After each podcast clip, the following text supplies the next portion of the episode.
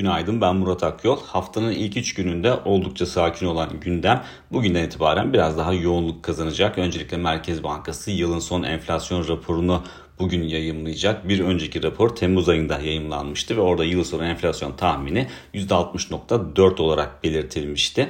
E, o tarihten bugüne geçen süre zarfında piyasa katılımcıları anketine baktığımızda yıl sonu tahminlerinde aslında çok önemli bir değişim görmüyoruz. %70 civarında seyreden rakamlar söz konusu. E, dolayısıyla Merkez Bankası'nın da aslında büyük ölçekli bir revizyona gitmesine gerek olmayabilir ama şu var ki Merkez Bankası'nın tahmini hem piyasa beklentisinin belirgin şekilde altında kalmış durumda hem de OVP'de %65 oranında bir e, yıl sonu tahmini söz konusuydu. Dolayısıyla Merkez Bankası da aynı ölçekte bir güncelleme e, yapmak isteyebilir.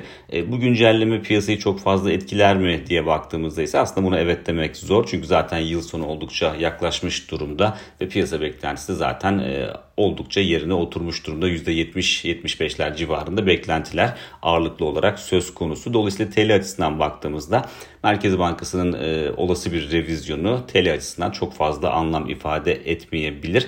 E, zaman zaman Merkez Bankası e, enflasyon raporu ile birlikte para politikasına ilişkin de sinyaller verebiliyor. Ama zaten son PPK toplantısında Merkez Bankası bir sonraki toplantıda da indirimin devam edeceğini, faiz indiriminin devam edeceğini çok net bir şekilde vurguladığı için para politikası tarafında da çok güçlü bir e, mesaj gelme ihtimali e, zor görünüyor.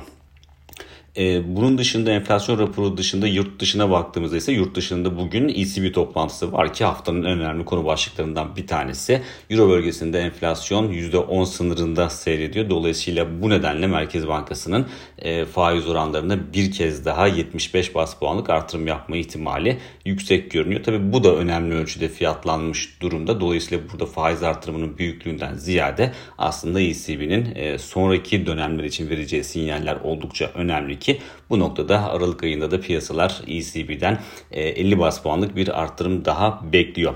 E, Amerika'da ise bugün büyüme rakamı açıklanacak. Üçüncü çeyrek e, büyüme rakamı öncü rakam bu. Dolayısıyla önemi biraz daha yüksek.